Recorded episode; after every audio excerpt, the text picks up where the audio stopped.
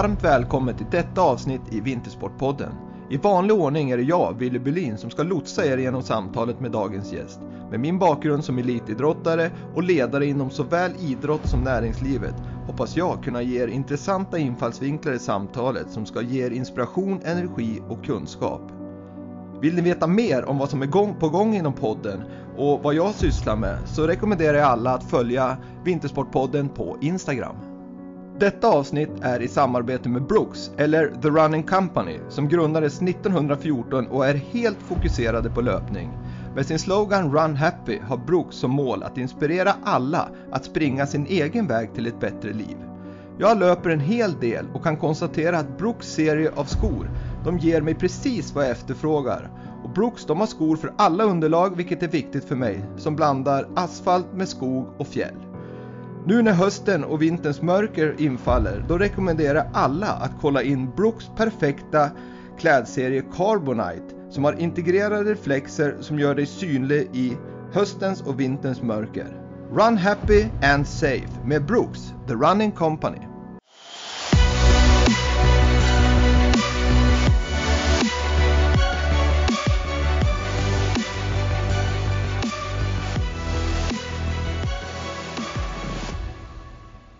Dagens gäst i Vintersportpodden, före detta skidstjärnan och numera entreprenören, föreläsaren Maria Rydqvist. Varmt välkommen till Vintersportpodden Maria. Tack så mycket. Det är jätteroligt att ha dig här som dels är en gammal, tänkte jag säga, en före detta skidstjärna får man ju säga, men jag tycker det är en otroligt härlig resa vi ska få lyssna på från att vara skidstjärna och ha dessutom fått två barn under karriären och så sen gått till att bli en väldigt, väldigt framgångsrik entreprenör och en människa som inte är rädd för att säga vad den tycker och det är kul med sådana människor och det ska bli kul att lyssna till dig. Så är du redo att köra lite? Ja, men det tror jag. Tack så mycket och det ska ja. bli spännande att få diskutera lite olika ämnen. Absolut. Vi har ju en, en, en liten bank här vi ska gå igenom och diskutera allt ifrån jämställdhet och hur idrotten har präglat dig och ja, men vad du jobbar med nu och, och vad som har inspirerat, eller vad idrotten kan inspirera kanske samhället och så vidare. Så att vi, vi tar både lite smått och sen lite samhällsperspektiv på det. Det tycker jag ska bli väldigt intressant. Mm. Men vi kör en bakgrund på Maria. Hon föddes 1983 i Smålands Stenar. Hon har en bror och föräldrar där. Eh, flyttade som 16-åring till Mora för att studera på skidgymnasiet och bor numera kvar i Dalarna men i Älvdalen med sin man Bengt och sina två barn. Hon avslutade karriären 2017 Eh, efter det har hon gjort en hel del saker. Hon har skrivit krönikor och i Expressen. Hon har skrivit en bok, Kvinnor, idrott och manliga ledare. En bok om jämställdhet, strukturer och ideal. Hon är en entreprenör inom fastighetsbranschen och hon föreläser inom en rad olika ämnen. Och sen har hon under karriären hunnit med väldigt fina resultat. Hon har ett VM på hemmaplan, ett VM-silver på hemmaplan i Falun i stafett, vilket är fantastiskt med den stämning som var då. Hon var fyra på 10 kilometer i Falun. Hon var nia på 15 kilometer i Falun, sexa på VM 2011 i Holmenkollen och sen har hon tre guld på SM, fyra silver på SM och fy, fyra brons. Det är en grym eh, meritlista både som vad ska jag säga, elitkarriär skidåkare men även vad du har gjort på sidan om. Vad säger du Maria? Ja men tack så mycket. Det är intressant att höra en eh, summering av allt.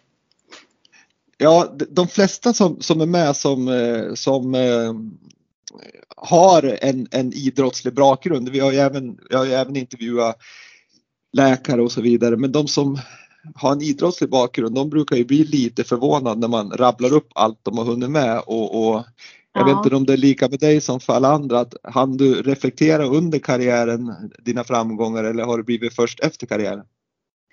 Eh, ja, det är klart att man har ju väldigt mycket fokus just då framåt på resultaten och det är klart att man på olika sätt reflekterar över sin idrottskarriär på ett annat plan när man har slutat både resultat men också allting annat runt omkring och hur man har upplevt det och vad man tar med sig.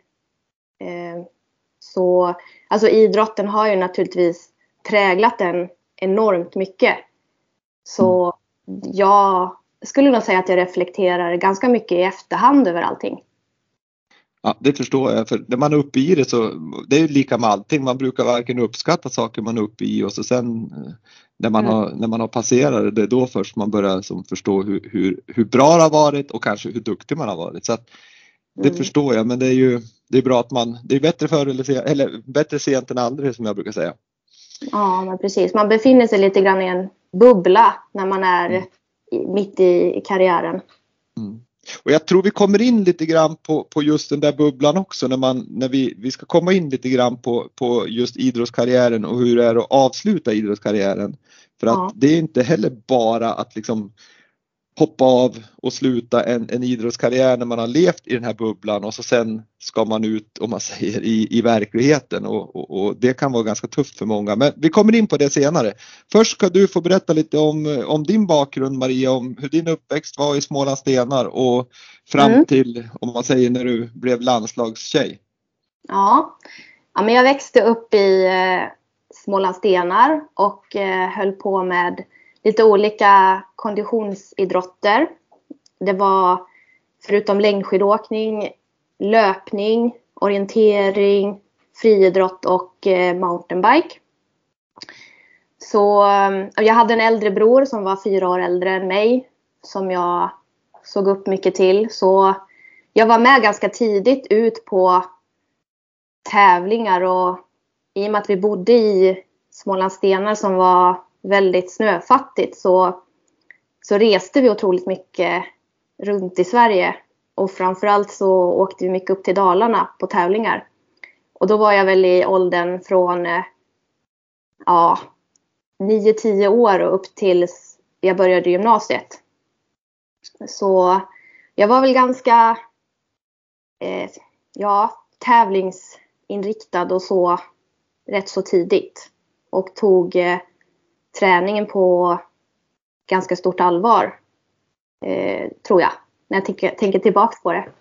Hur, hur, hur var det? Jag, jag, tänk, jag vill bara fråga om det när vi, när vi ändå är inne på just den. Du säger att du tog träningen på ganska stort allvar tidigt. Är det, tycker du det är ett litet problem? För jag kan tycka att man kanske gör det för, för tidigt ibland. Ja, alltså det skulle kunna vara ett problem. Eh, jag har tänkt på det att Eh, om liksom man tyckte det var pressande att det var så. Men jag upplevde ju inte det så själv då. Eh, men eh, absolut som du säger så kan det, kan det vara ett problem. Och framförallt är det ju ett problem om det kommer utifrån förväntningarna. Eh, jag upplevde inte att det var så för mig utan jag blev snarare inspirerad av ja, men av min eh, äldre bror och, och ville ta det seriöst. Ja, och jag tror att det där någonstans nu när man är i den unga åldern så vet man ju inte vad inre och yttre drivkrafter är men, men jag tror att hur det än är så, så kommer det från en själv då, då går det ju alltid bra så att, så att man själv har det här drivet. Ja, men sen är det ju så, det är så individuellt och eh, man kan ju inte säga att det finns den, den rätta vägen heller. Eh, och det finns ju många exempel på idrottare som har kommit på långt senare att man ska träna. Och egentligen så börjar det ju inte på riktigt förrän man kanske börjar i gymnasiet eller eh, ja, uppåt där. Nej precis, för jag, jag pratade ju med någon framgångsrik längdåkare, jag ska inte nämna namnet, men han sa att han fattar ju först i typ trean, fyran på skidgymnasiet att man, man kanske borde träna också.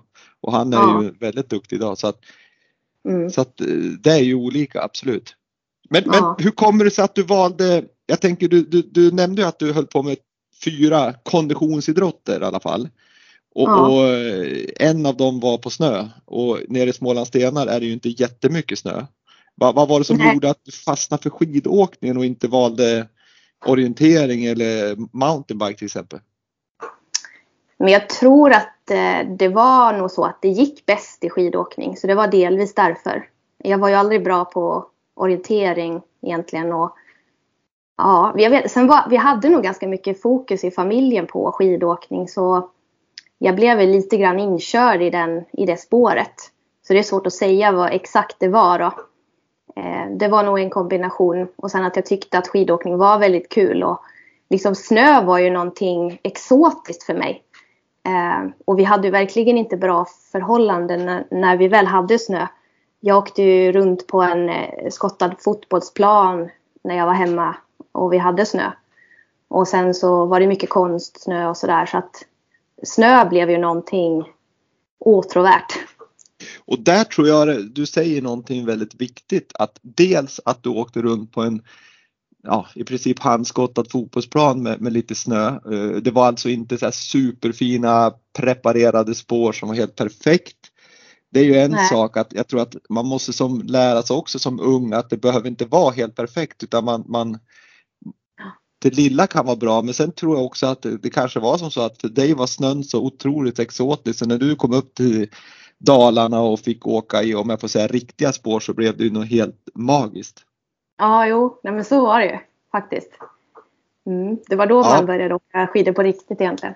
Mm. Ja precis. Men sen då så när du hade liksom ändå bestämt det här för skidåkningen så, så fattade du, du var ju ändå så framgångsrik då och fattade ett beslut att flytta, inte vet jag vad det är, 50 mil upp ja. i landet till Mora skidgymnasium. Hur, hur var den, både jag tänkte säga resan, inte resan i bil, men hur var resan på skidgymnasiet? Eh, jag tyckte det var en eh, fantastisk resa. Alltså det var ju en otroligt stimulerande miljö att få vara på ett skidgymnasium. Och bland likasinnade. Det var ju något eh, som jag inte hade upplevt hemma. Att man hade kompisar runt omkring sig som hade samma intressen. Det tyckte jag var ju enormt roligt. Så jag minns ju hela gymnasietiden som väldigt roliga år och att man ju lärde sig att vara skidåkare på en ny nivå. Mm. Hur, hur, var... Jag tänkte på det här med, med du kommer ju ändå att liksom börjar på ett skidgymnasium då blir det ju, då går du ju ändå från, om man säger det här ungdomsidrotten in i mer ja, elitidrott och, och, man börjar få ett fokus, man, man har ett ganska tydligt mål och, och, och, det är ju inte bara lek längre. Eh, hur, hur, hur, blev det liksom med, med, för många konditionsidrotter har ju haft lite problem med, ja, med ätstörningar och kanske då framför allt om man säger i alla fall det som finns på papper så har ju kvinnor haft problem men jag tror ju också att män har, har, har problem med ätstörningar fast inte det kommer fram på samma sätt. Men hur var det på skidgymnasium upplevde du? Ehm, alltså det var väl ingenting som var kopplat till den miljön egentligen alls, skulle jag inte säga. Ehm, men det är klart att det problemet finns ju inom idrotten. Och jag skulle nog kanske säga att det, jag började själv också tänka i sådana tankar under den tiden. Men inte för att det just hade någon koppling till att skidgymnasiemiljön uppmuntrade till det. Men det är väl i den åldern man börjar bli mer medveten om saker. Var det, var det kroppsidealet eller var det liksom att du kände den här prestationen att fasiken går jag ner 3-4 kilo så blir det lättare att springa eller lättare att ta sig upp för den här branta backen på skidor. Vad var det som liksom, hur gick tankarna ja. där? Du var väl runt 17 där när du började fundera kring det här va? Eh, ja, jag skriver om det i min bok. Eh, det är säkert därifrån du har fått det. Men mm. eh, ja, eh, det, var, nej, det var faktiskt sista året på gymnasiet var det.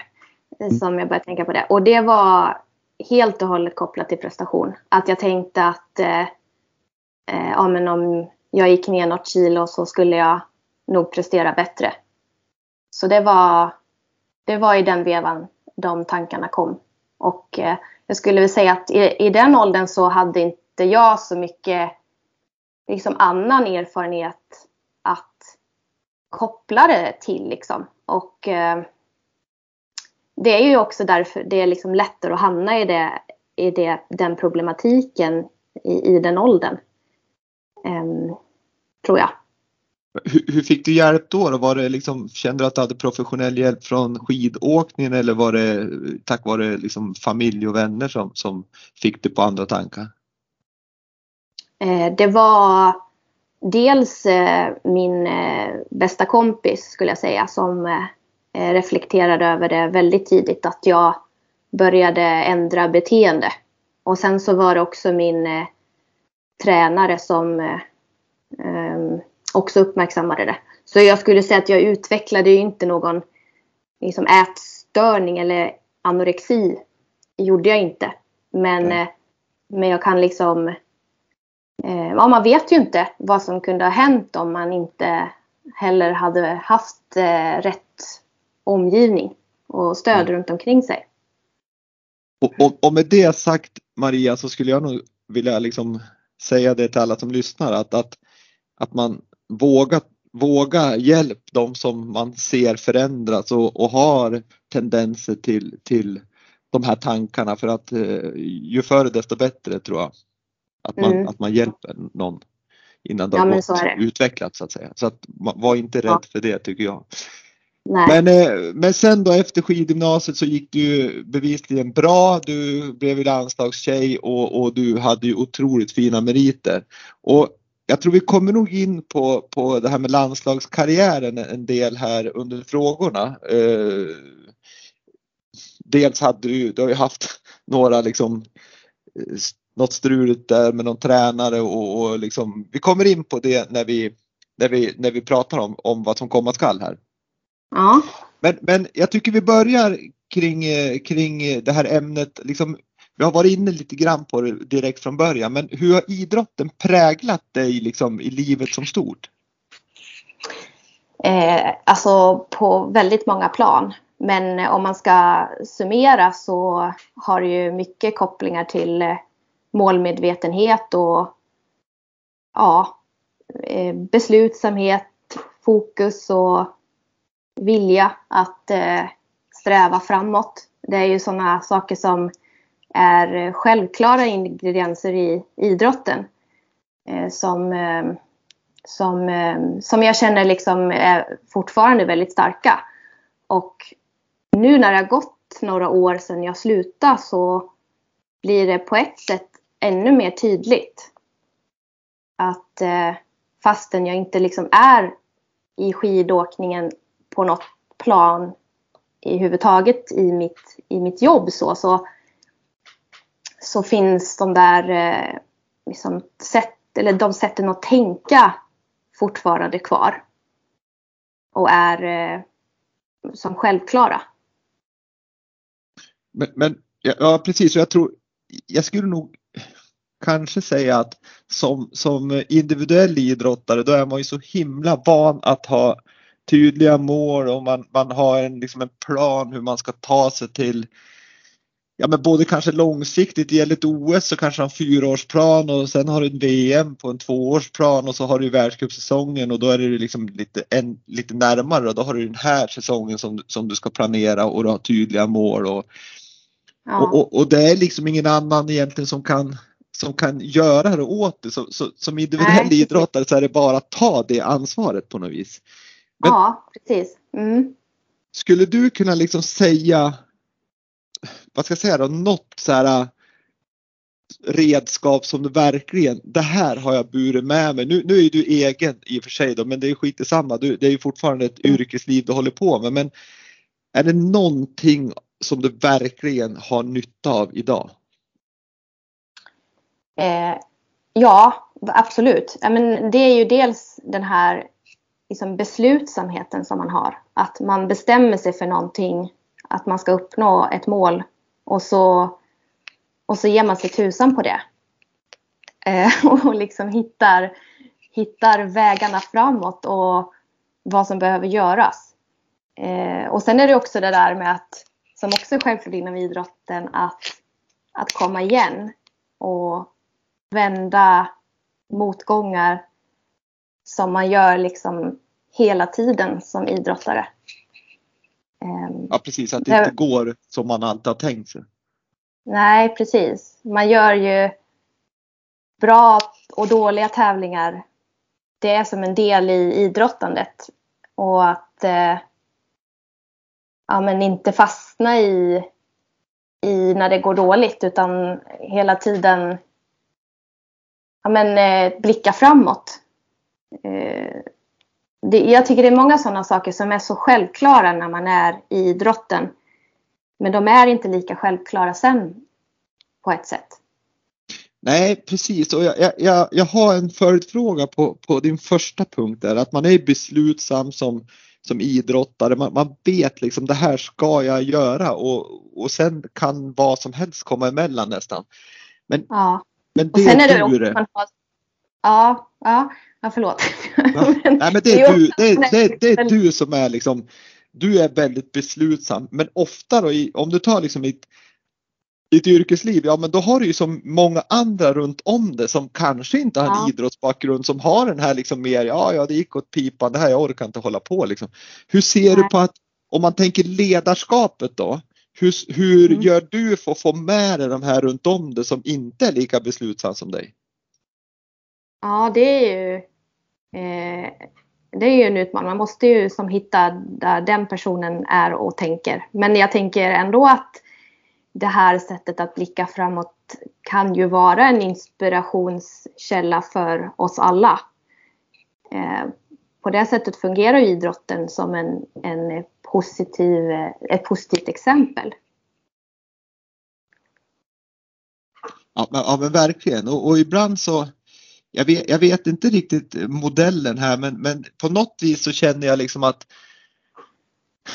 för att få med sig alla så tror jag någonstans, nu får du rätta mig om jag har fel här Maria, men någonstans så tror jag att om man ger folk både information och ansvar då tror jag mm. folk blir mer motiverade och det är mycket svårare framförallt att, att liksom säga att nej jag har inte gjort det för jag visste inte om det. Nej men du, du har informationen, då tror jag många tar ansvar och, och, mm. och verkligen kanske vill göra det för alla mår bra av att prestera på något vis.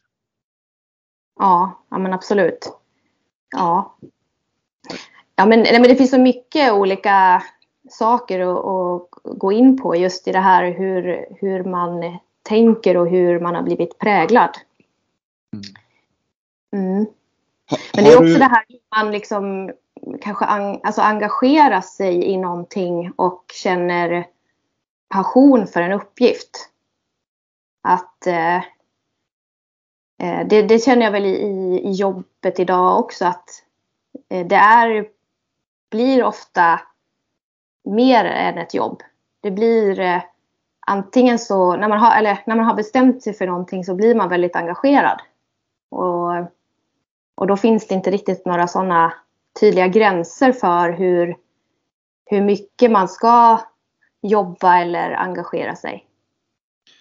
Man är inte Nej. van att tänka i de ramarna. Nej, och det tror jag är också en sån här grej man får med sig från idrotten att, att man, man verkligen, där, det är ju liksom idrotten, då, då är det ju all in tills att man har levererat på något vis. Och ja, det ja. tror jag kan se på fler idrottare som verkligen liksom, de, de, de kör på liksom och sen fattar de inte de här runt om som inte kör på på samma sätt. Eh, mm. Men, men, eh, men vi kanske ska innan vi går vidare känner jag, då, då, för att vi pratar ju mycket om ditt jobb nu och din passion och, och så vidare. Men jag tror att vi ska, för att kunna knyta det till, till vad du faktiskt gör idag så tror jag det är ganska bra om vi, vi, vi pratar om vad du gör faktiskt nu. För vi har ju sagt inledningsvis att du, du föreläser och du skriver bok och du har skrivit krönikor. Men redan under karriären så börjar ju du, ditt intresse för liksom och investera och bygga fastigheter i fjällvärlden. Men ja. det var väl 2019, alltså två år efter karriären egentligen, som det verkligen tog fart och där du drog på en rejäl satsning. Mm, stämmer.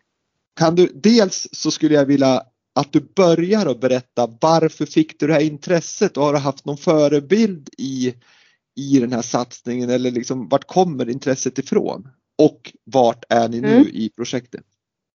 Ja, men precis. Det var en lång, lång fråga. Men ja. eh, alltså intresset för eh, ekonomi, fastigheter, investeringar. Det har ju funnits med mig länge. Jag läste ju och utbildade mig till ekonom eh, på Mittuniversitetet i Östersund. Var det under och, din karriär? Eller? Ja, men det var det precis. Mm. Det var direkt efter gymnasiet så läste jag eh, läste väl ungefär tre och ett halvt års utbildning på fem år. Så jag läste helfart i början och sen läste jag på halvfart på slutet. Och det var på skiduniversitetet? Ja, det var det. Precis.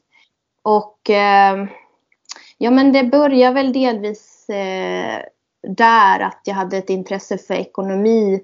Och sen så var man ju liksom väldigt mycket i fjällen naturligtvis. Så liksom kopplingar till fjällvärlden och fjällstuga kom ju ganska tidigt också. Att det skulle vara roligt att investera i fjällen och kanske ha en egen, ett eget fritidsboende.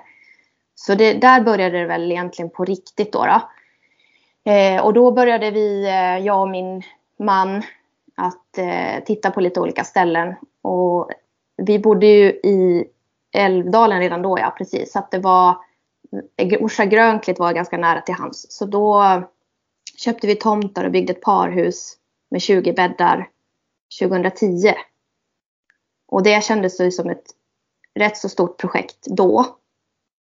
Ehm, och så ja, hyrde ut den där stugan och tyckte det var rätt kul. Det blev ju som en liten extra intäkt och så också. Och sen så byggdes det där på under årens lopp. Eh, det gick ju inte så fort i början. Jag köpte nästa fastighet 2013 och sen var det liksom några år emellan så. Så jag hade den där uthyrningsverksamheten som lite extra syssla under idrottstiden också då.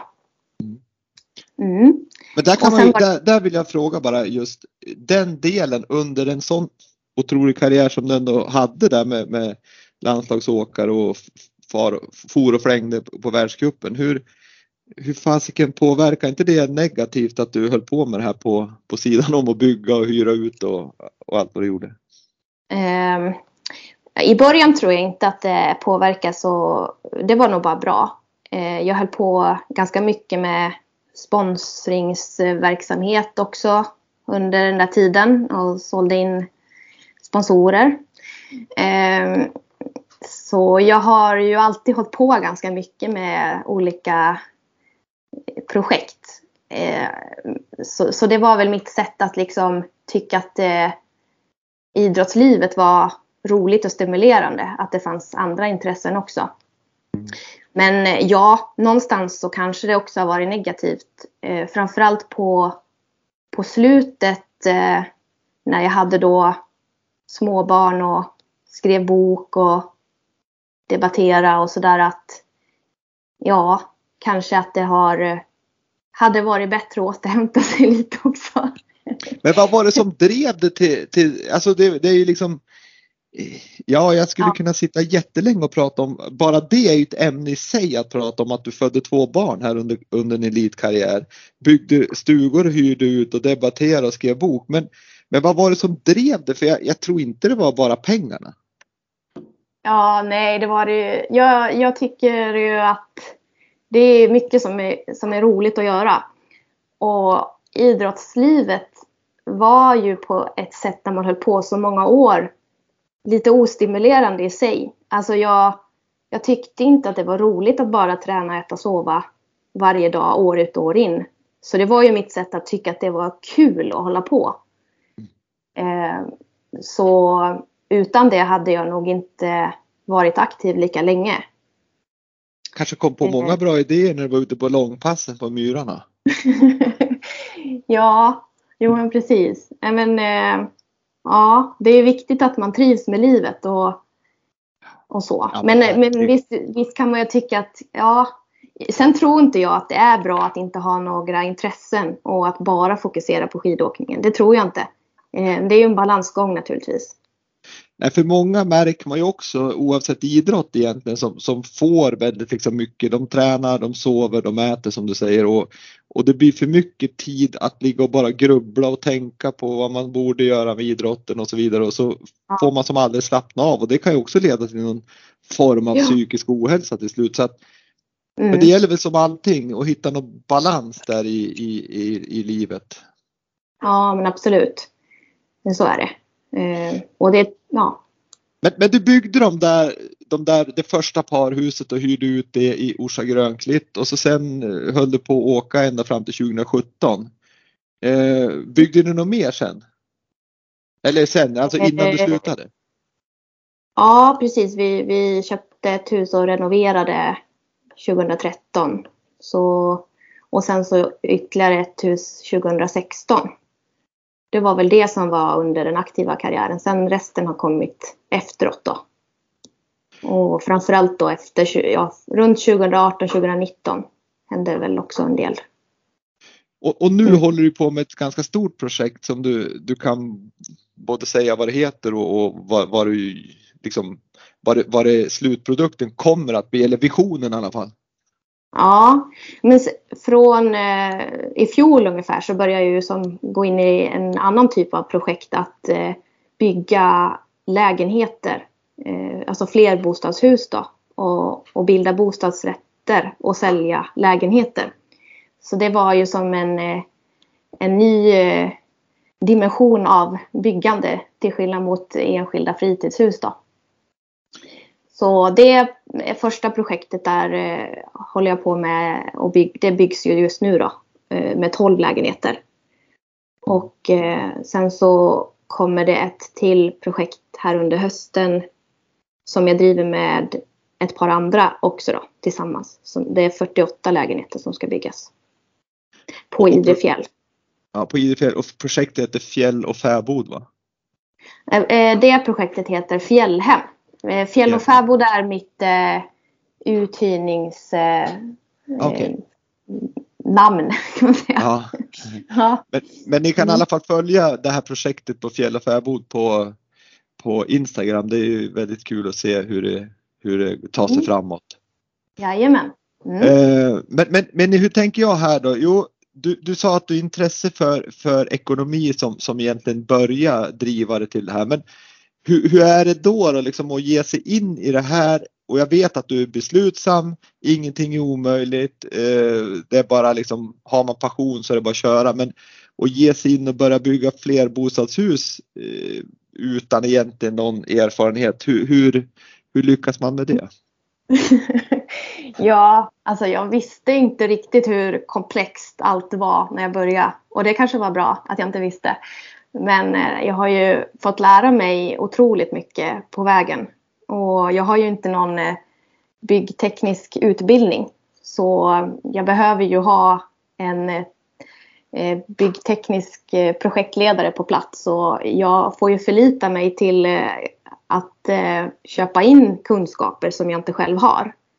Mm. Så det är, ju, det är ju väldigt många bitar jag har fått lära mig på vägen. Eh, så det har, det har varit jättespännande. Men visst kan man ju ge sig in på saker utan att kunna alla områden själv.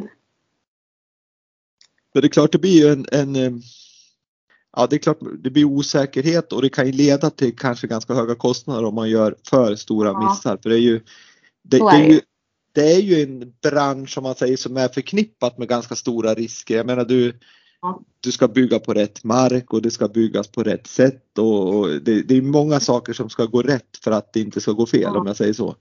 Men... Absolut och jag har ju, jag känner ju, jag har ju ett stort ansvar när jag har sålt lägenheterna också på ritning så är det ett stort ansvar mot alla köpare att leverera den produkt som man har utlovat. Verkligen. Så det, det, får ju inte gå fel. Nej, mm. verkligen. Det är ett, liksom, jag förstår exakt den här känslan att man, man målar upp en bild för köparen och sen ska de ja, förväntningarna ja. infrias. Men det är ju liksom, sen är det ju, det är ju en liksom sak som, som man kan gå och fundera på men, men sen finns det ju ganska stora ekonomiska risker i det här också i, i, i ett sånt här projekt att jag menar mm. börjar det bära väg med saker som är fel för du har ju sålt det förmodligen till fast pris till de som köper och du mm. kanske inte har allting tecknat när du börjar bygga och, och det, det, är ganska stora risker men är det någonting som lockar dig som, som ändå är ett sätt att få känna den här vad ska jag säga gniss eller ja. värmen eller vad ska jag säga den här saken som man har när man åker en skidtävling och du står där på, på startlinjen. Det är inte mycket som, som Eh, kan mätas med, med att få den känslan att stå i Falun med fullsatt liksom, lugnet och så drar man ja. iväg. Det är liksom... Nej, är det där, som... Kickarna menar du? Ja, kickarna, ja, ja exakt. Eh, jo, men eh, så är det. Jag tycker ju att eh, jag dras ju lite till sånt som är spänning och adrenalin och att det finns eh, mycket att vinna men också att förlora. Mm. Och jag tycker att det är ju väldigt utvecklande och stimulerande att få, få, få ha mycket ansvar. Och, och att få, få lära sig att hantera det. För jag tänker att ju, ju, ju mer ansvar och, och tuffare beslut du klarar av att ta desto mer eh, växer man också och utvecklas. Och det ligger ju såklart i att man också får, får misslyckas ibland. Såklart. Du nämner ju här liksom hur idrotterna präglar dig och vad man kan ta med sig för, från idrotten liksom till senare i livet så, så är ju beslutsamheten är ju en sak att, att nå målen och, och vara målinriktad och att man kan stå emot motgångar och så vidare. Men, men, och, och där tror jag det är viktigt att inse, det gäller ju också i yrkeslivet, att, att för att lyckas måste man ja, jag hävdar att man måste misslyckas för att lära sig någonting. Bara man liksom mm. ja, utvärderar jo, det man har gjort. Precis, annars är uppgiften lite för lätt om det inte finns en risk att misslyckas. Nej, men det är otroligt intressant där. Men, men, men, det är imponerande att, att liksom under karriären dels då hålla på med de här projekten och så sen ge sig in i det här på riktigt och bygga fler bostadshus som du säger och sälja dem på, på ritning och, och, och ta de risker som ändå är. Det är jätte liksom härligt. Och dessutom då, då kommer vi in på ett annat ämne som jag också tycker, nu, nu kan jag bara tycka här Maria, du, du får rätta mig om jag har fel, men för mig i alla fall så, så är ju, du, du har ju liksom debatterat och, och varit en hel del ute i massmedia och, och liksom ja, men i dina böcker också så skriver du just om det här med jämställdhet och, och, och strukturer och makt, eh, Eh, ja, makt inom, inom olika förbund och så vidare, organisationer. Och om vi väntar med att komma in på idrotten så skulle jag bara liksom, hur är det som kvinna och inte jättegammal kvinna dessutom som inte har en byggbakgrund att komma in i byggbranschen som jag i alla fall tror, det kan vara en fördom, men som är ganska mansdominerad också. Ja, jo men så är det ju. Det är ju mycket män som inom, eh, inom bygg och även som eh, ja, e- investerare och exploatörer och, och sådana områden. Eh, men eh, alltså sen är det ju det att när man kommer in i någonting och är ny så måste man ju självklart bevisa sin kompetens. Och så, så har det ju varit för mig också att visa att eh, jag är trovärdig. Eh, men jag, jag vet inte om jag kan säga att det har varit en eh, nackdel att vara kvinna. Eh, utan det har nog varit både och eh, man har ju också en chans att sticka ut och utmärka sig. Eh, också. Så det kan ju också kan man vända till en fördel. Och jag tycker också att det är liksom en, en morot också på många sätt. Att, för jag tycker ju att fler kvinnor också borde ägna sig åt det. Och tycka att det är kul. För, för jag tycker ju att det är jättekul. För, för mig så är det ju liksom så här äh, väldigt, väldigt härligt liksom att, att på något vis går ju du ändå, det finns ju naturligtvis kvinnor redan som håller på men jag tycker liksom nu pratar vi här och nu, äh, du går ju lite i bräschen att, att just det här med att våga och du har ändå inställningen att det handlar ju om ändå att visa att ja men det här är jag, jag kan det här, jag försöker. Då blir man ju ofta mottagen jäkligt bra till mm. slut. Jo men, men precis. Men, ja. Mm. Men, så din erfarenhet i alla fall där, från, från det du har gjort nu det är att du har blivit mottagen väldigt bra i, i eh, byggbranschen om jag säger så? Ja, ja men i de flesta sammanhang. Eh, mm. och sen, det, jag tycker den största tröskeln har jag på ett sätt passerat eh, nu när jag har liksom kommit igång. Eh, men det är, det är ju lite svårare eh, att komma in i någonting och mitt första byggprojekt eh, driver jag ju själv. Vilket är ju liksom kanske inte i rätt ända att börja. Men där var det ju också lite grann att det fanns väl ingen som ville driva något projekt med mig då. Eh, för att jag hade ju inte gjort någonting. Så jag fick ju egentligen börja där och sen visa att jag klarar av det. Och då blir det lättare att hitta eh, samarbetspartners sen, som att, eller att driva projekt tillsammans med. Det finns ju, det finns ju en annan känd eh, längdåkare som också har hållit på att bygga lite stugor tänkte jag säga, men hus och, och varit ganska stor eller väldigt stor i en annan fjällkedja i, i, i Sverige. Men han är mm. norsk och det är Björn Dählie som har hållit på lite och jag mm. vet att du har sagt någon gång att, att du kanske var lite inspirerad av honom. Ja. Är det liksom Ja. Har du någon målsättning? Det, det, kanske låter dumt att, att ja, men jag ska bli större än vad Björn Dählie var. Det, det, det, kanske inte är så, men vart är det du vill ta? Det stämmer, vi stämmer det här med Björn Dählie till att börja med. Jo, men precis. Han, det var någon artikel om honom för några år sedan, två år sedan ungefär tror jag, som jag blev eh, inspirerad av. Absolut. Ehm, eh, men jo, men en, en målsättning är ju att få driva större projekt. Eh, där, liknande projekt. Eh, men eh, jag ser också framför mig att driva andra typer av företag. Jag tycker att själva företagandet i sig är väldigt roligt. Så det kanske inte bara blir byggprojekt heller. Men, men, så det finns men, olika mål. Men, bara en fråga kring Björn då. Har du, har du varit i kontakt med honom och, och liksom fått tips och tricks från honom eller, eller du känner han inte alls? Nej, det gör jag inte. Det skulle ju vara väldigt roligt. Ja. ja. det tycker jag verkligen. Jag menar, två framgångsrika skidåkare som, som är i samma bransch borde väl definitivt utbyta erfarenheter. Ja, absolut. Ja. Det, det, tycker jag du ska. Det blir ditt nästa mission här till nästa vecka. Tror jag. ja, det blir det.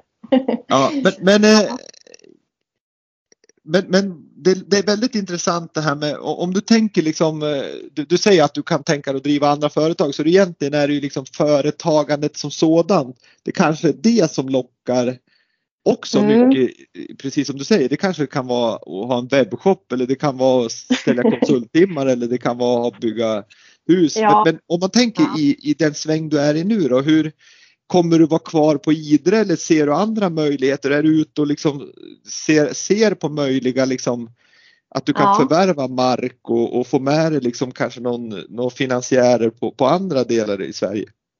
Mm. Jo men det, det gör jag också. Eh, jag tittar runt och det är ju som en, en lång process att, eh, att hitta mark. Och ja, det kan ta, man kan behöva jobba med flera års framförhållning och planering innan, eh, innan man ens byggstartar. Så det, är ju, det går inte så snabbt tyvärr. Det är en långsam process och dessutom kanske du hittar ett område som, som det kräver liksom lång hantering från kommuner också innan ja. det får byggas ja. där. Men, men hur, det handlar väl mycket om, ska du få bra mark till rätt pris då måste du ha en viss känsla för vad du tror mm. liksom ska hända också inom ja, men det här området. Det kommer mm. nog fasiken byggas ut här mer och mer. Ja, ja exakt. Ja, men det där tycker jag är jätteroligt och, och framtidsspana och, och analysera eh, framtiden. Det är också en, en väldigt spännande del i detta. Vad får du inspiration liksom, där då?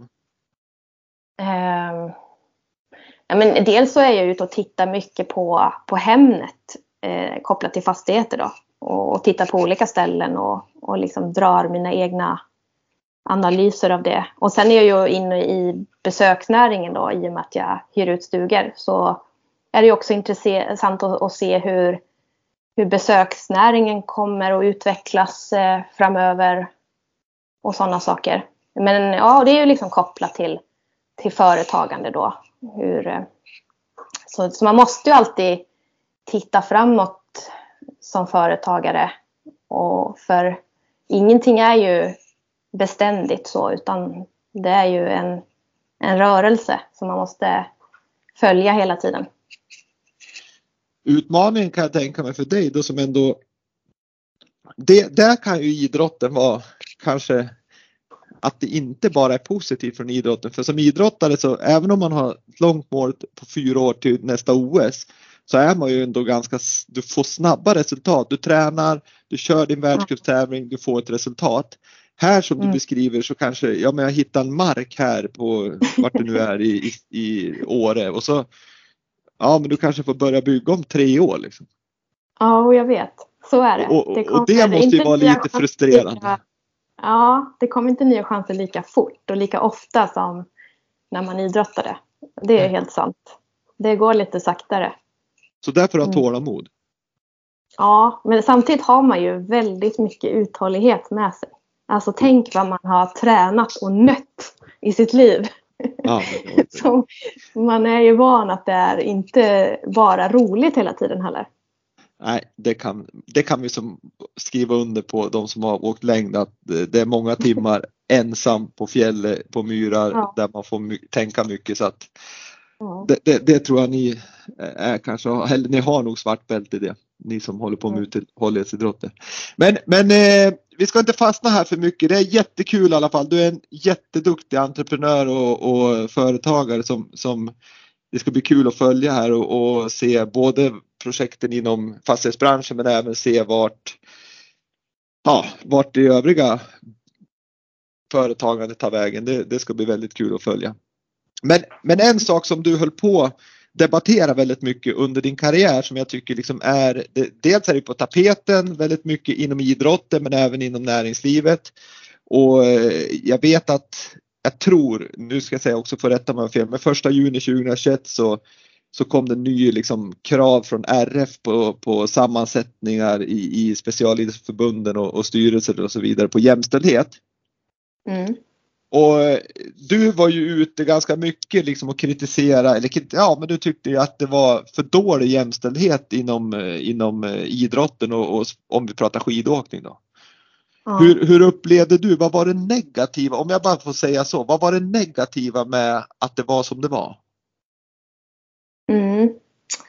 Ja, men det blir ju en eh, liksom, enkelspårig miljö det, och att bara ha manliga tränare blir ju liksom inte en, en, en bra miljö för alla. Och, eh, så det var ju liksom både manliga tränare och, och även eh, vallare och alla runt, hela apparaten var ju mest män. Så eh, ja, men det, jag tycker inte att det blir en, en riktigt eh, eh, jämnbördig miljö som kanske inkluderar alla och så. Det är väl den ena delen i det hela. Sen så, så är det ju såklart att det är ju tråkigt att, att eh, kvinnorna försvinner från idrotten och inte eh, jobbar kvar inom den. Det är också en del av saken.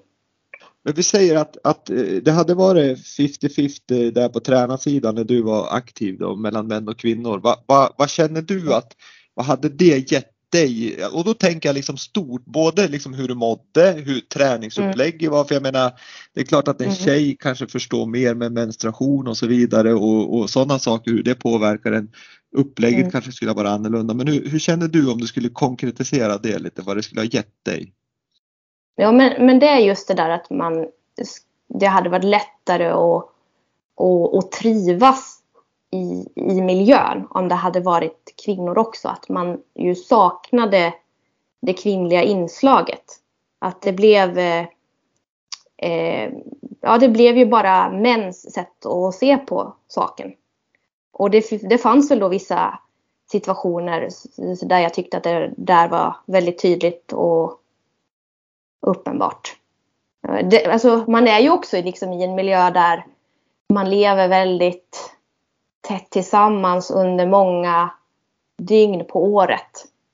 Verkligen. Så jag menar, den där att miljön är, känns bra på alla plan är ju superviktig. Hur, hur för det, det, är ju en sak, hur, upplevde du att du att ni tjejer i lager, om jag tar tjejsidan, av, alltså damlaget, fick ni mm. gehör för vad ni tyckte och tänkte eller liksom hur gick tankarna där från, från förbundet så att säga? Eh, Ja, eh, alltså i det stora hela. Alltså egentligen när, när jag drev de här frågorna så, så var det väl inte så att det var så många som kanske hade tänkt i de banorna då. Så jag fick ju inte allas eh, liksom medhåll på alla plan direkt. Eh, mm, jag tycker att medvetenheten runt de frågorna är större nu ändå. Att det är viktigt. Precis, för, för tittar man rent så här ja, tittar man generellt inom idrotten och, och, nu när vi pratar om skidförbundet så, så finns det ju Tittar man liksom om man om man inte tittar på tränarsidan utan stavtjänster så är det ju då är det ju mer kvinnor än män. I styrelsen så är det tror jag tre av sju som är kvinnor och på konsulenterna, alltså längdsidan jobbar med längdkonsulenter ute i landet som, som är nära klubbarna och där är det också tre av sju tror jag som är kvinnor. Mm. Så att tar man mm. på den delen så har det ju, mm. skulle jag då säga, gått framåt och att man liksom att man mm. har kommit eh, och kanske liksom förstått det. Men, men jag tror att på, mm. på landslagssidan, på tränarsidan så är det fortfarande ganska lite eh, tjejer. Jag tror det är 3 av 13 som bara är kvinnor nu också. Eh, nu, det kan vara lite fel i de här siffrorna men det, det är ganska låg andel i alla fall. Mm. Och vad tror du det beror på att, att inte fler kvinnor, och det gäller ju ganska många idrotter, det är inte bara inom längdåkning och, och alpint och allt vad det nu är. Vad tror du mm. att det beror på att det inte är så många kvinnor som, som är med på, på mm. landslagsnivå? Ehm, nej men det är ju ganska tufft nu då när det bara är manliga tränare att komma in som ensam kvinna. Så, så är det väl en del i det hela. Men, och sen är det ju det här att eh, liksom arbetsvillkoren är ju väldigt extrema. Man har ju extremt mycket resdagar och är borta och, och det har väl traditionellt sett inte kanske lockat kvinnor. Men eh, det, det, är också en del i det skulle jag säga. Eh, sen är det ju inte alla män heller som, som lockas av de villkoren. Eh, men det är mycket liksom ja, traditioner och jag, jag tänkte ja. säga det, det, det, är ju, det är ju en, en, vi ska säga det att det kanske är, nu vet jag inte exakt, men vi säger att det är 150 till 200 resdagar per år. Mm. Och där är det nog som du säger att, att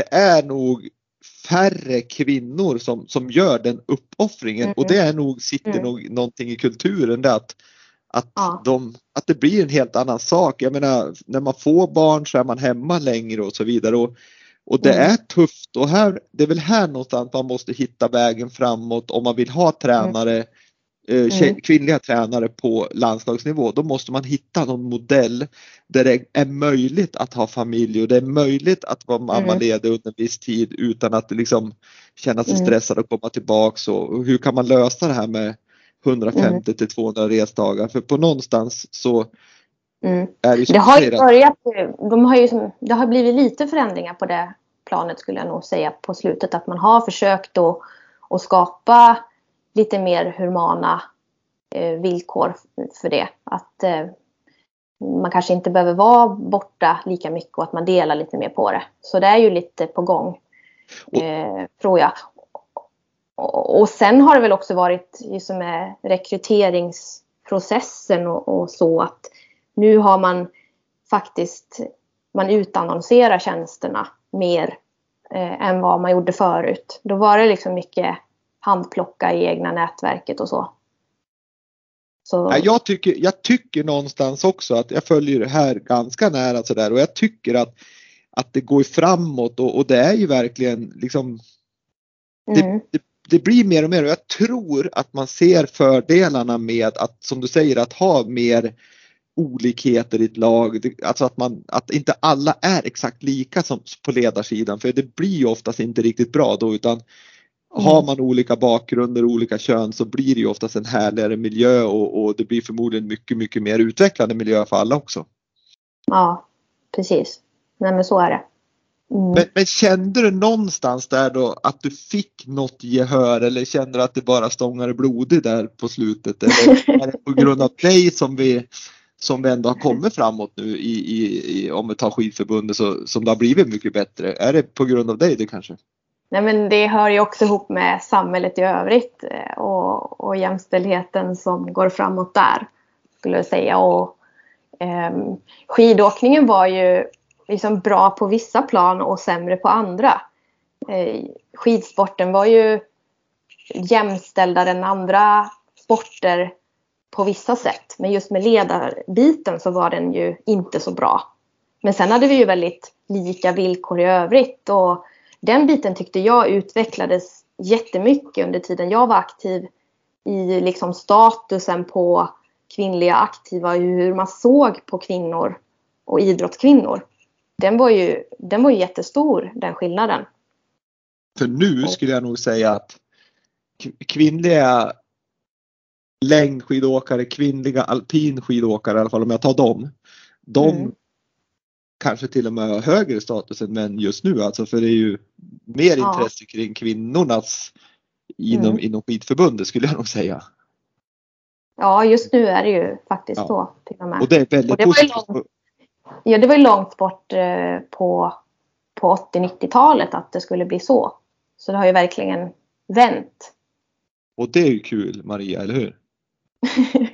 ja men det är, det är fascinerande är det ju. För man har ju varit med på hela den där resan också. Mm.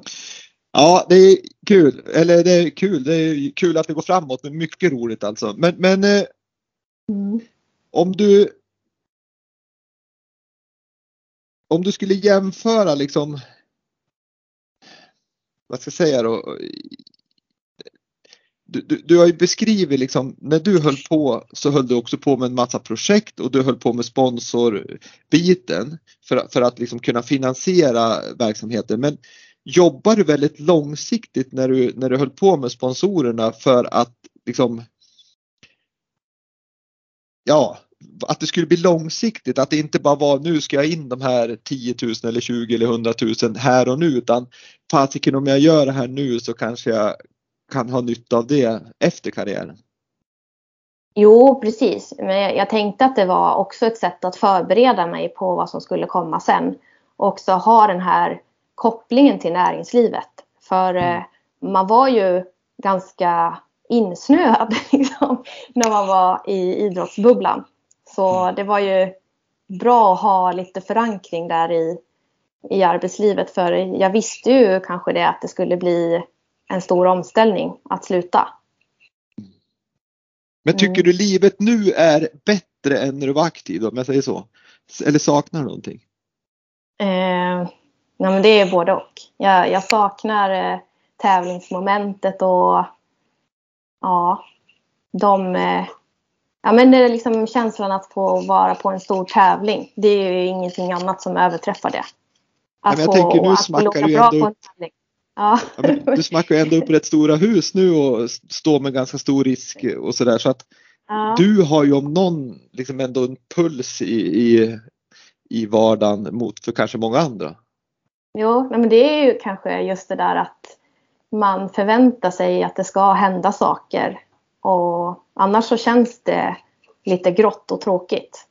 Och det är nog risken när man slutar att om man inte hittar någonting så, så känns det så lite grått. Så jag tror att det är ju väldigt viktigt att hitta någonting som man tycker är roligt och som man brinner för. Ja men verkligen, det är, det är ju precis som idrott. Jag tror att ska du lyckas måste du ändå ha någon form av passion för det du håller på med. För det är ju då mm. du orkar träna och lägga ner den här tiden. Mm. Men vi brukar också säga, alltid brukar man ju prata om vad kan näringslivet lära sig av idrotten? Man brukar ju alltid prata om ledarskap, att eh, idrottsledare ska föreläsa för eh, när det ska vara någon sån här strategidag för, för företagsledare för att de ska få inspiration. Men om vi mm. vänder på det, vad tycker du idrotten kan lära av, av näringslivet, alltså där du är idag? Som du skulle kunna föra in i, i struktur eller i ja, men ja, strategiarbete eller vad nu kan tänkas vara. Ja, den, den var mycket svårare. Det vet ja, den är ju Det är svår. lättare att säga tvärtom. Ja, och jag tycker att det kan vara lite klyschigt nästan. Att, att man, ofta är det liksom att idrotten är så jävla duktig och de ska lära näringslivet. Men någonting tror jag näringslivet det är har. Jo, men absolut. Eh, men jag har nog inte, jag har inte kommit dit än kanske. Ehm, mm. Eh, Men jag, Jag tycker det, det är väldigt tillbaks. viktigt att man liksom inte bara är i, i, i idrotten liksom, som idrottare. Eh, Att man inte är helt frånkopplad. Det tycker jag är jätteviktigt. Ja, det, det, det, det håller jag med om. Ehm, Mm. Jäkligt intressant. Vi har pratat nu om karriären och det var precis som jag sa att när vi börjar prata då är det lätt hänt att tiden går och, och det har han gjort nu också för att det är ämnen som är otroligt intressant och det är en karriär som, som, som vi skulle kunna sitta och prata väldigt länge om. Men, men nu har vi gått igenom din liksom, bakgrund, din karriär, vad du har gjort i projekten, vad du håller på med nu och vi har pratat lite om jämställdhet och så vidare. Men vi måste ju också komma in på, på just det här, skulle jag säga, problematiken många gånger. Vi ska inte göra ett problem om det inte är ett problem, men många gånger är liksom en, att avsluta en framgångsrik karriär inte heller bara. Hur, hur, hur var det för dig? Hamnade du i någon identitetskris? Hur skulle du kunna förberetta annorlunda? Skulle vi kunna få hjälp från förbunden eller klubbar eller vad det är? Mm. Jo, men eh, en eh, viss eh, identitetskris skulle jag väl säga att jag hamnade i. Att det blir, eh, det blir liksom tomt och att liksom identiteten med idrotten var ju väldigt, väldigt stark. Och det blir ju som, jag skulle säga att man hade en viss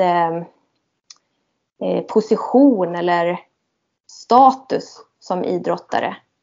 Eh, även om jag inte var liksom världsmästare så, så hade ju även jag det. Men du var ju silver. han- ja, i stafett. Ja, precis. Ja. Ja, men, eh, nej, men ändå, liksom, man, man, man kan säkert känna den skillnaden ännu starkare än vad jag gjorde. Men ändå blir det ju som att eh, ja, men det känns lite grann som att man halkar ner och ska börja om på ruta ett. Och, och man är liksom van att man är eh, duktig och, och kan sin sak. Och plötsligt så kommer man på ett, eh, en arbetsplats och är, känner sig grön. Liksom. Och det, det tar ju ett tag att liksom hitta en ny identitet och, och hitta det där som man eh, brinner för. Och, och ja, man är ju inte expert direkt. Man kan inte få ett toppjobb direkt såklart. Så, och det tror jag är viktigt att ha med sig också att, att det är precis som du blir inte världsmästare när du börjar med, med längdskidåkning heller utan det är ju ett hårt arbete under en längre tid som genererar din silverpeng 2015 och likadant är det inom arbetslivet. Och det är väl där Mm. någonstans svårigheten ligger. Men, men, mm, men, men jobbar du någonting, för det du säger nu egentligen så är det ju självkänslan som, som är Alltså Mm. har man en väldigt god självkänsla då, då ska det egentligen inte spela någon roll att ja, men jag är ju fortfarande Maria och jag är ju duktig som jag är. Liksom. Jag, är ju, jag är ju liksom en härlig tjej. Sådär. Men, men fick du hjälp med det liksom, när du la av att du, att du fick liksom, jobba med den biten? Eh, bra fråga. Jag hade ju någon form av mental rådgivare en, när, när jag var aktiv och kanske lite grann efteråt. Men, eh, men jag skulle nog gärna vilja haft mer typ av en mentor i näringslivet som liksom hjälper en att blicka framåt och, och att men liksom vi pratar mycket om egenskaper man har med sig men att eh, själv förstå att man har dem och att lära sig att tillämpa dem. Det är ju inte så att man bara eh, hittar det heller direkt. Eh, det, det känns ju kanske inte så första, på första jobbet man har. Att man kan använda de här egenskaperna av att man är målmedveten eller Vad, skulle du ge för tips till eh, ja, men jag säger inte till tränarna, men till, till förbundsledning och de som, som håller på på liksom mer på annan mm. nivå än tränarbiten och kanske till klubbar också. Vad de skulle kunna hjälpa liksom aktiva med och, och mm. för att förbereda sig liksom för vad som komma skall. Så att det inte blir en chock. Men det är väl att hjälpa till med ett nätverk ute i näringslivet.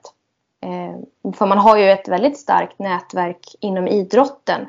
Men det kanske inte, man kanske inte har ett starkt nätverk utanför. Eh, så det skulle jag tycka var en hjälp. Och sen, men eh, det är klart att det är väl bra om det finns någon annan support från eh, Riksidrottsförbundet kanske. Det är ju, det är ju inte just ett, en fråga för bara skid, skidförbundet. Nej, nej, det här är ju liksom nej, väldigt lika för alla idrotter. Absolut. Att det finns en liksom fortsättning. Man har ju det här otroliga supporterteamet när man är aktiv. Men att det finns en, en eh, fortsättning ett tag efteråt också. Ja, för jag tänker man har ju liksom, dels så är man landslagsåkare, fotbollsspelare i landslaget, hockeyspelare inom landslaget eller vad, vilk, vad du än gör. Så har du ju liksom, du har förbundet, du har liksom SOK som har talang och toppprogram och RF har sina liksom ja, men, program tänkte jag säga, men, men saker de gör för idrotten. Men, men eh, det kanske skulle vara en del i det här att alltså, liksom planera för mm. efter karriären, även om man inte Naturligtvis är det ju medaljerna som räknas, men jag, jag menar som människan skulle det vara en väldigt, mm. väldigt viktig del, tycker jag. Mm, absolut. Ja, men så men, är det ju. Ja, jag vet en sak som var bra. Eh, det var, jag tror det var Saltsjöbadens slalomklubb de hade ett program sådär där, där ja, men aktiva som, som hade slutat och som studerade på, ja, på något universitet som, som hjälpte dem att träna ungarna. De fick liksom en mentor, de som de fick liksom prata med om, om både det ena och det andra och om, om mm. vad som komma skulle i näringslivet. Det tyckte jag var ett väldigt fint utbyte att att de jobbar som tränare och så fick de tillbaks liksom det här mentorskapet av någon som jobbade ute i näringslivet. Det, det tror jag är en väldigt mm. bra modell faktiskt. Som man skulle kunna tillämpa, tänkte jag säga, på, på fler och det är det du är inne på lite grann. Ja, ja men precis. Ja, att det finns eh, någon, eh, något eh, mentorsnätverk eller liknande som eh, kan vara eh, och det tycker jag, tänker jag vore, kunde vara intressant för många företag också.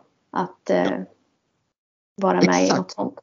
Och det var där jag var inne lite grann på sponsorskapet tidigare att, att, att man tänker lite längre än, än de här mm. kronorna här och nu och istället tänker på vad, vad skulle vi kunna få hjälp med mm. framåt om jag hjälper det här företaget nu med det jag kan ge dem. Så att man får en ja. långsiktighet i, i, i det här liksom utbytet. Mm.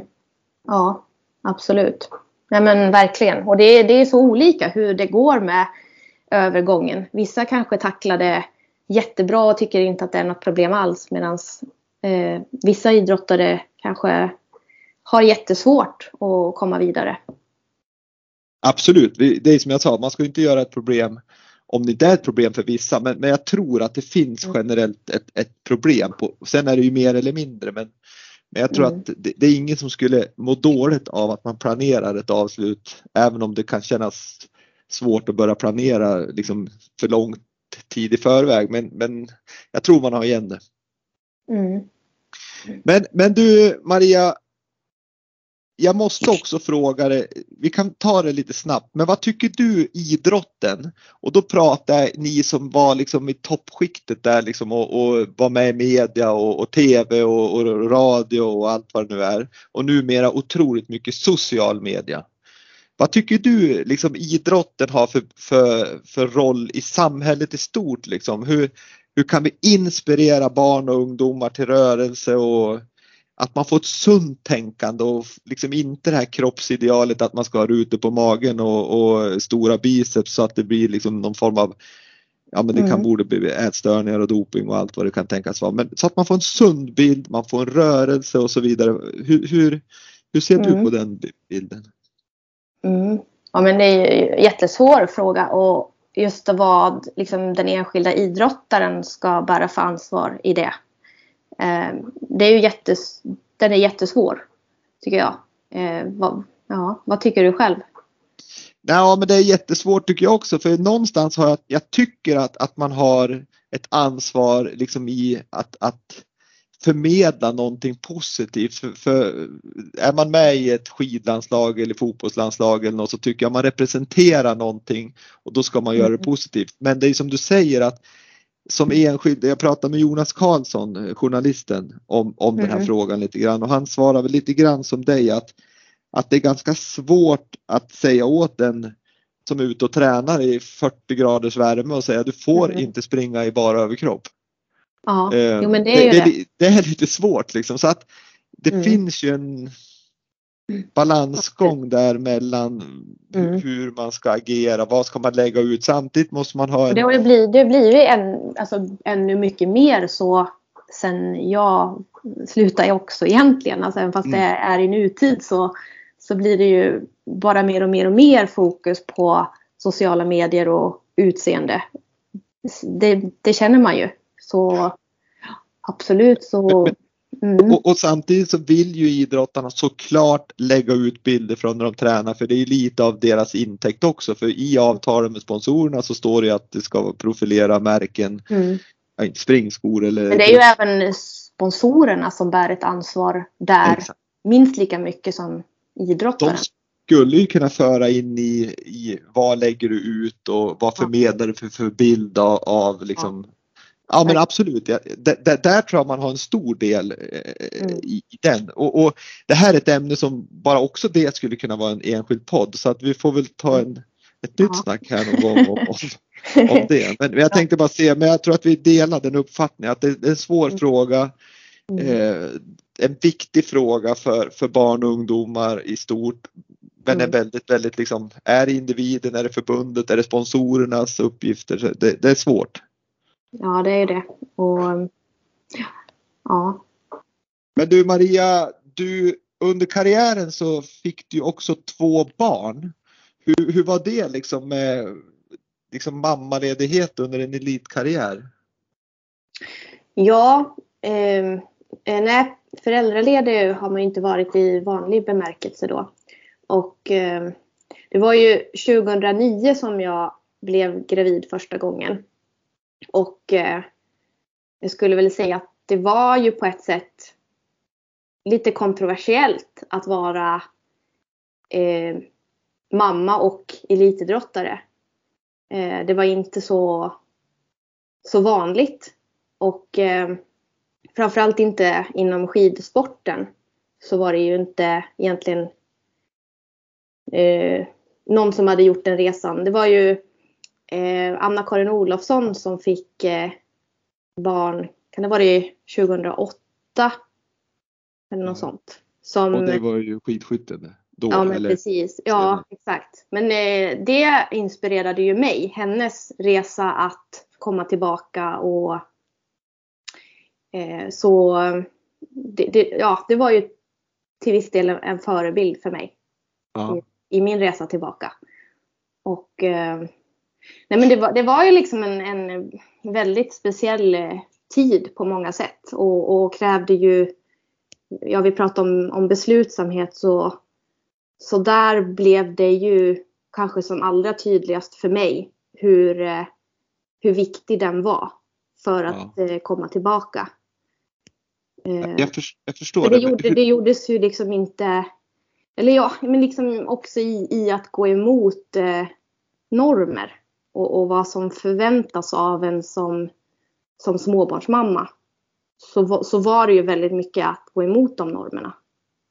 Men du föddes 2009, alltså hur länge kunde du bedriva elitträning då innan du var tvungen liksom att avbryta det för att gå in mot förlossningen? Um, ja, 2009 blev jag gravid och 2010 föddes vår dotter. Då. Uh, men jag Eh, jo, nej, men jag tränade ju hela tiden, gjorde jag. Eh, fram till förlossningen. Men såklart anpassat. Och eh, eh, men det var ju också sådär en, en snårskog att veta hur man skulle träna. Eh, eftersom det ju inte fanns så många exempel på det. Och eh, jag hade kontakt med Angelica Hirschberg som är en välkänd gynekolog som gav mig en del tips och råd och sådär. Ehm, men eh, ja, det, det, var, det fanns ju liksom mycket outforskat och, och inte liksom givna svar. Nej, för sen då 2010 föddes ert första barn och sen 2011 så kom du ändå, var du nia på VM i, i Holmenkollen? Sexa? Mm. På VM i Holmenkollen. Så hur snabbt efter förlossningen kunde du börja köra igång igen? För jag menar det, det kan ju vara lite eh, känsligt kanske. eh, ja, nej, men jag började träna efter eh, eh fem dagar tror jag. så det var, det var som en förkylning. Um, men uh, alltså, jag hade ju tur så i att allting gick bra med förloss, förlossningen och att det inte var några komplikationer och sådär. Um, jag tyckte något, där, där måste du ha fått liksom verkligen stämma av att är det okej okay för uh, inre organ och allt vad det är liksom? Att, uh, ja, på? jo så var det ju såklart men jag det tyckte jag nog att jag hade kontroll på. Jag tyckte alltså det var ju verkligen en, en, eh, en eh, liksom mindre risk när, när jag väl hade fött. Då var det ju bara jag och min kropp liksom. Så, så man var ju mycket mer orolig för att göra fel när man var gravid än efter förlossningen. Det kändes som en mindre, en mindre sak liksom. Men eh, eh, alltså idrotten är ju inte tillräckligt eh, utvecklad på det området i, i stöttapparaten. Tycker jag ju. Mm. Har det blivit bättre sedan 2010 då? Jag vet inte faktiskt. Eh, nu finns det ju lite mer exempel såklart och, och jag tror väl att liksom Marit Björgen när hon eh, fick barn och kom tillbaka att hon kanske hade mer support så misstänker jag. Men eh, ja. Jag vet men, inte riktigt. Det är ju, ja. Hur är det sen då? Jag menar att man, att man är föräldraledig och då är man hemma med sin unge och man, man går på sån här eh, öppen förskola och så vidare. Men, men jag menar som elitskidåkare så måste du ju som ändå träna en sex timmar per dag ish. Hur löser man sånt?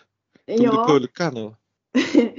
Nej, men eh, nej, barn gick ju inte på förskola första åren eh, utan vi hade barnflicka Aha. faktiskt. Så det var ju eh, en, en egen lösning på det hela. Just för att vi, man inte ville ha dem på, på förskola då. Och det var på grund av sjukdomar också kanske? Ja, ja. Plus att vi behövde liksom lite mer med hjälp i vardagen och så. Eh, så det var ju en jättebra lösning. Eh, vi hade bara det under vinterhalvåret då ska jag säga. Så det var väl några månader per år. Och... Hängde familjen med sen på touren då när ni var på världscup sen? Mm. Eh, det, det var de. Så första Tour de Ski då 2010-2011 så, så ammade jag ju hela touren. Ja, det är ju för roligt. Men, men hur, hur ehm, var, var det liksom okej okay från förbundshåll tänker jag, liksom att, att man tar med sig familjen? Det kändes okej okay, det? Eh, ja, alltså de bodde ju inte på samma hotell utan de bodde på ett grannhotell hela tiden. Okej. Okay. Så mm, vi träffades ju inte jättemycket. Det var ju kanske ja, max ett par timmar, någon timme om dagen bara. Och de var ju med på andra världscuptävlingar också den vintern så det var ju en liten karusell. Ja, jag förstår det. Men är det så här liksom om du tittar tillbaks på det här, jag förstår att dina barn är det finaste du har. Mm. Men, men tittar du tillbaks på det, är, skulle du kunna rekommendera andra idrottare att liksom, ja men det var en fin resa och det funkar bra för mig och det var liksom någonting som jag inte skulle gjort om? Absolut. Nej, men det är ju, det är ju en, en jättehärlig resa att titta tillbaks på. Och, och sen det är klart att det byggde ju på att min familj liksom stöttade mig på ett helt fantastiskt sätt och, och, också ville det. För det hade ju inte gått om de tyckte det var jättejobbigt. Så, och i, liksom i längden så var det ju tufft. Jag, jag, kände ju det att det var ju också liksom en del i att sluta. Att det till slut var faktiskt för jobbigt. Att liksom Alltså familjen fick ju som anpassa sig mycket efter min satsning och barnen blev större och liksom till slut så funkade det inte riktigt. Nej precis, man kommer kanske in i, det är kompisar och det blir ja, liksom en helt ja. annan grej när de, när de börjar bli äldre jo, så att säga. Jo men det blir ju det. Och liksom år efter år så ska vi göra det här. Det blir, det kanske är roligt eh, ett antal säsonger men till slut så, så blir det ganska tufft. Mm. Ja, intressant att höra, verkligen imponerande. Det, det är en resa som, som som nästan när man har problem hem, på hemmaplan med en ung eller två och tycker det är, är svårt så, så, kan jag ju tänka hur det var att vara ute på touren och träna så mycket som ni gör och, och prestera och, och, så vidare. Det, det var, måste ha varit en härlig utmaning. Jo, men det var det. Den är lite galen på ett sätt. Ja. Men, ja. Härligt, härligt. Mm. Så är det Maria. Mm. Hur eh, tycker du har varit, varit med i Vintersportpodden? Ja men det är spännande att få att gräva lite i, i järnkontoret. Efter både ämnen som jag eh, liksom är aktuella nu men också sånt som man inte tänkt på på ganska länge. Så ja. det är väldigt roligt. Och, och, jag tycker att några ämnen vi har grävt i tycker jag ändå det är härligt när de, när de har blivit bättre. Det, det tycker jag är jättehärligt med, med jämställdheten. Det går framåt och skididrotten är väldigt, väldigt positiv vad det gäller idrottarna. Det, det tycker jag är härligt att där är det jämställt och, och eh, mm. vilket jag tycker är jätte, jättekul verkligen. Så att, eh, och sen kan jag bara säga att det är otroligt spännande att följa din resa här med, med eh, fastigheterna men också ditt framtida företagande. Det ska bli jättekul att, att se och som sagt var följ Maria på, på Instagram. Då får ni mm. reda på hur, hur det här projektet går. Mm. Jättebra. Då har jag en, ja, nu har vi gått över tiden jättemycket, så jag har en fråga kvar bara. Och den är enkel och den ställer jag till allihopa i podden. Och den lyder så här. Säg en framgångsfaktor för att lyckas med idrott. Um, Ja, eh, beslutsamhet säger jag då. Mm. Det sa du ju där att du fick med det också så det mm. var ju ett jättebra svar. Och med det sagt så tackar jag dig Maria för att du var med i Vintersportpodden och jag önskar dig all lycka i allt vad du gör här oavsett projekt så önskar jag dig all lycka i framtiden. Ja men stort tack. Ha det bra! Hej då! Ja, men detsamma. Hej! Hej hej!